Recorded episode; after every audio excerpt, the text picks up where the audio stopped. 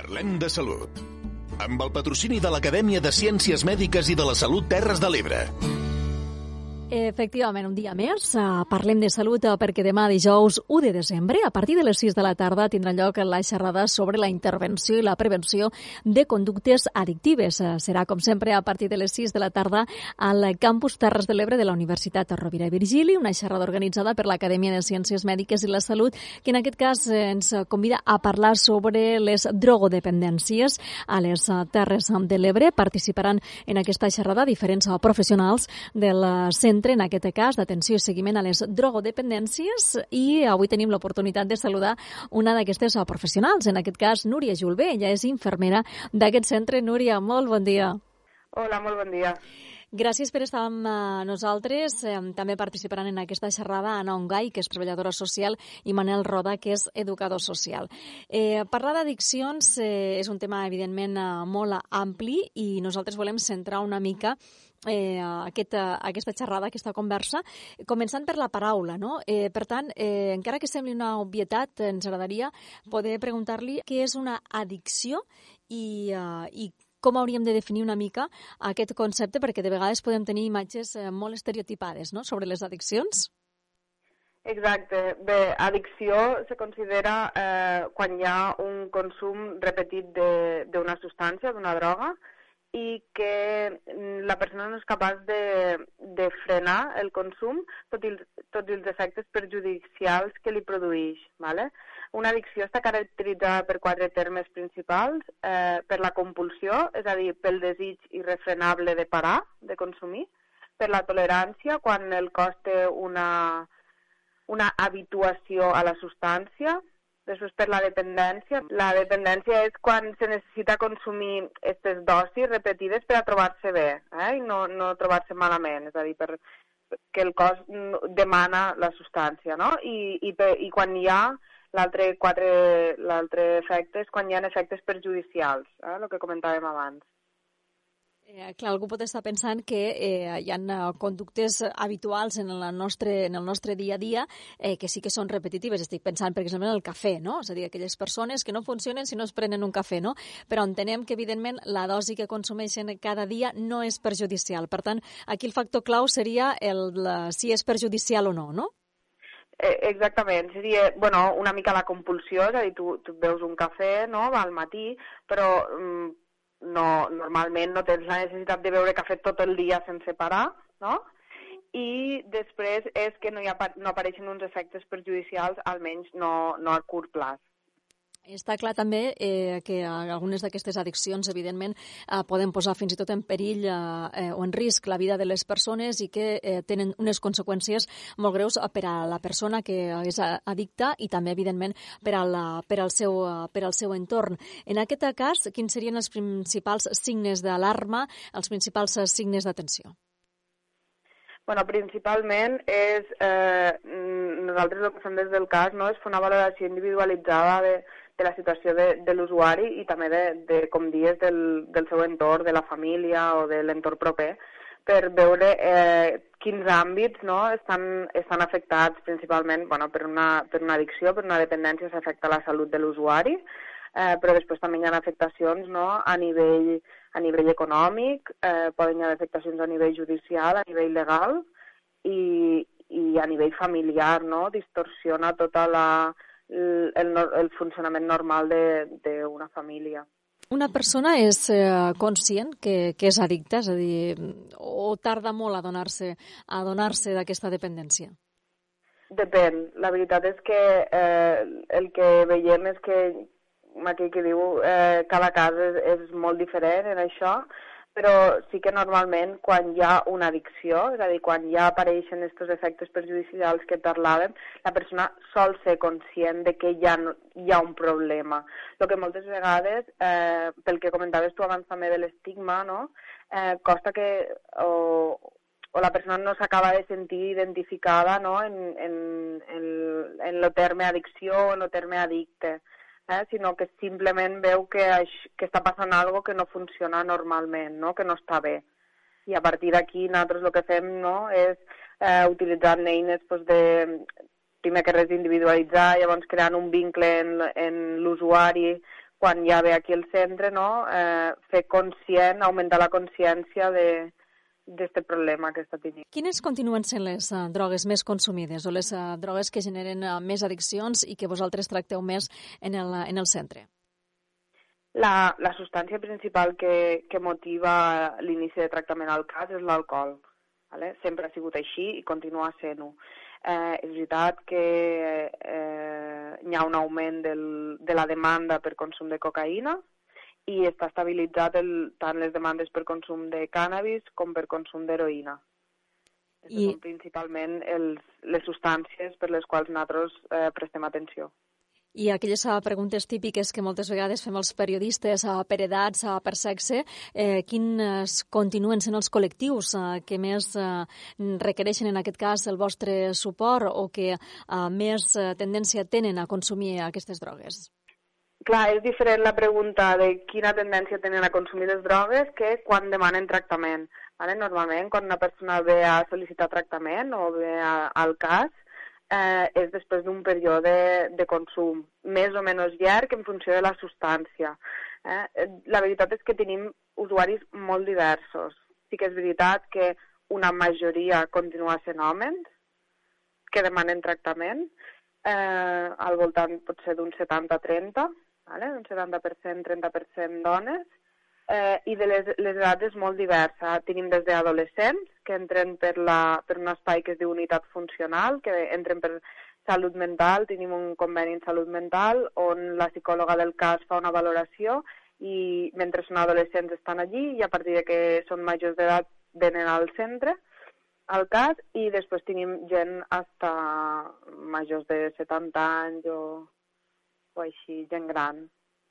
Eh, parlem de la prevenció. En aquest cas, eh, què es pot fer per a, per evitar aquestes conductes?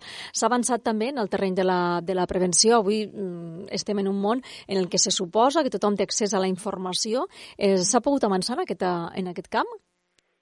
La veritat és que eh, sí que tenim accés a molta més informació, però la informació no sempre és prevenció. Eh? Moltes vegades pensem que donant informació prevenim, i no només és això. O sigui, la informació és una part de la prevenció, però no ho és tota.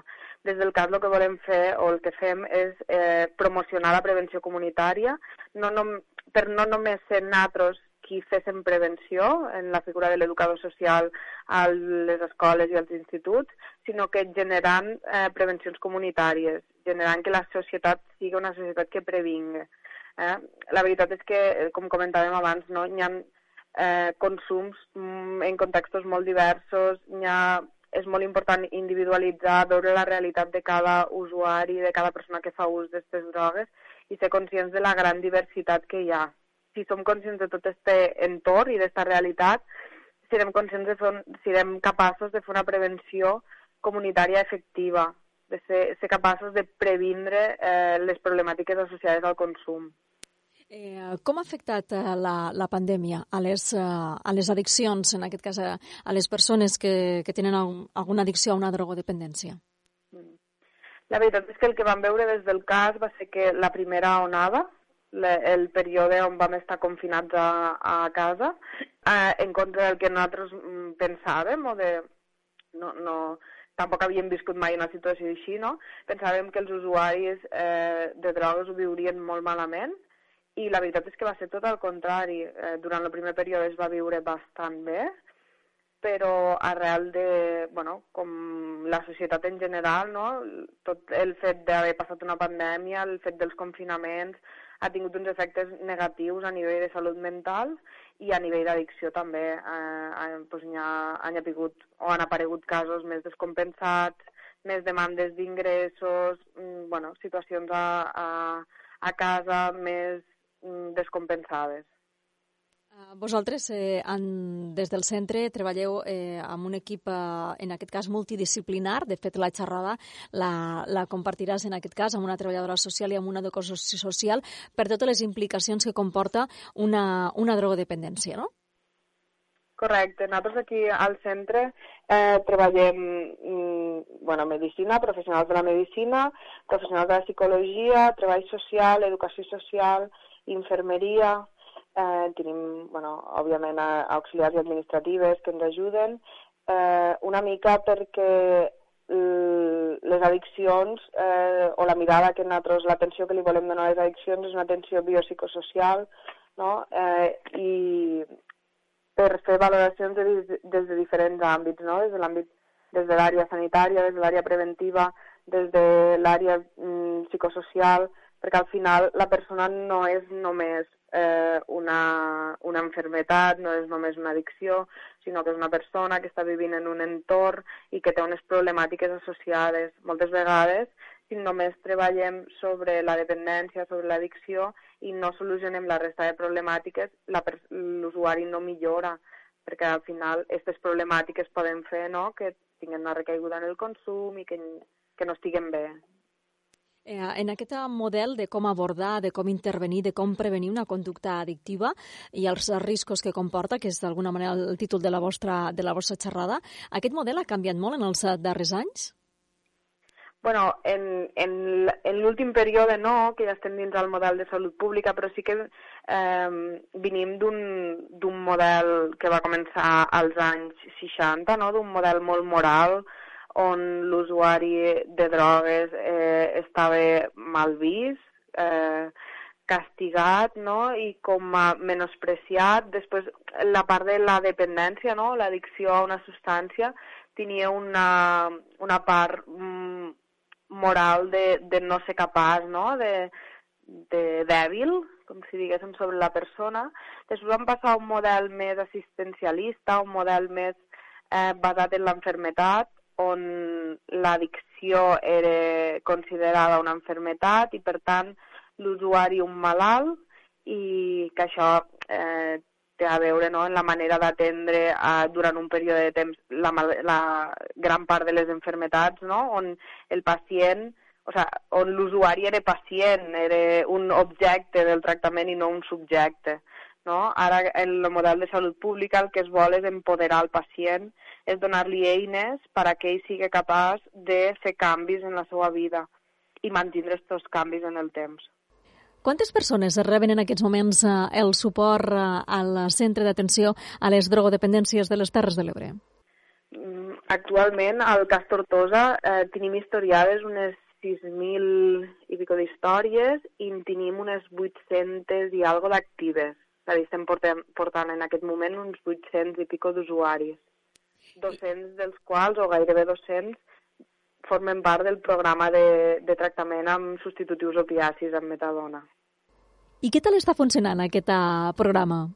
El programa de tractament amb metadona és un programa de llarga durada, eh, porta uns 25 anys instaurat aquí a, al Cas Tortosa i és un programa que millora, busca millorar la qualitat de vida dels usuaris o exusuaris d'heroïna.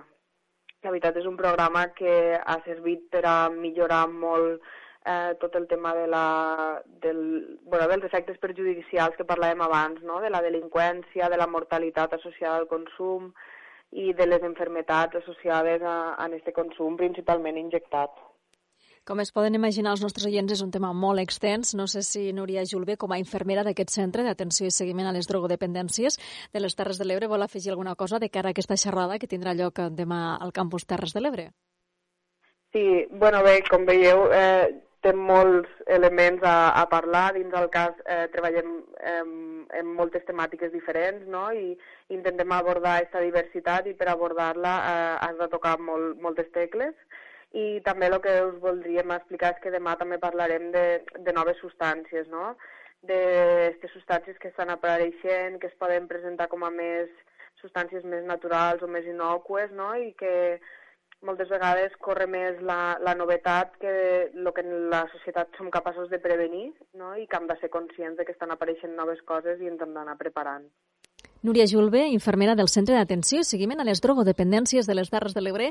Moltíssimes gràcies per estar amb nosaltres. Recordo que demà a partir de les 6 de la tarda al campus Terres de l'Ebre de la Universitat de Rovira i Virgília Tortosa tindrà lloc aquesta xerrada sobre la intervenció i la prevenció de conductes addictives que Núria Julve compartirà també amb altres professionals del centre com Anna Ongai, treballadora social, i Manel Roda, educador social. Gràcies, com dèiem, i fins la pròxima.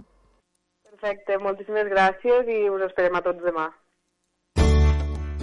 Espai ofert per l'Acadèmia en Ciències Mèdiques i de la Salut Terres de l'Ebre.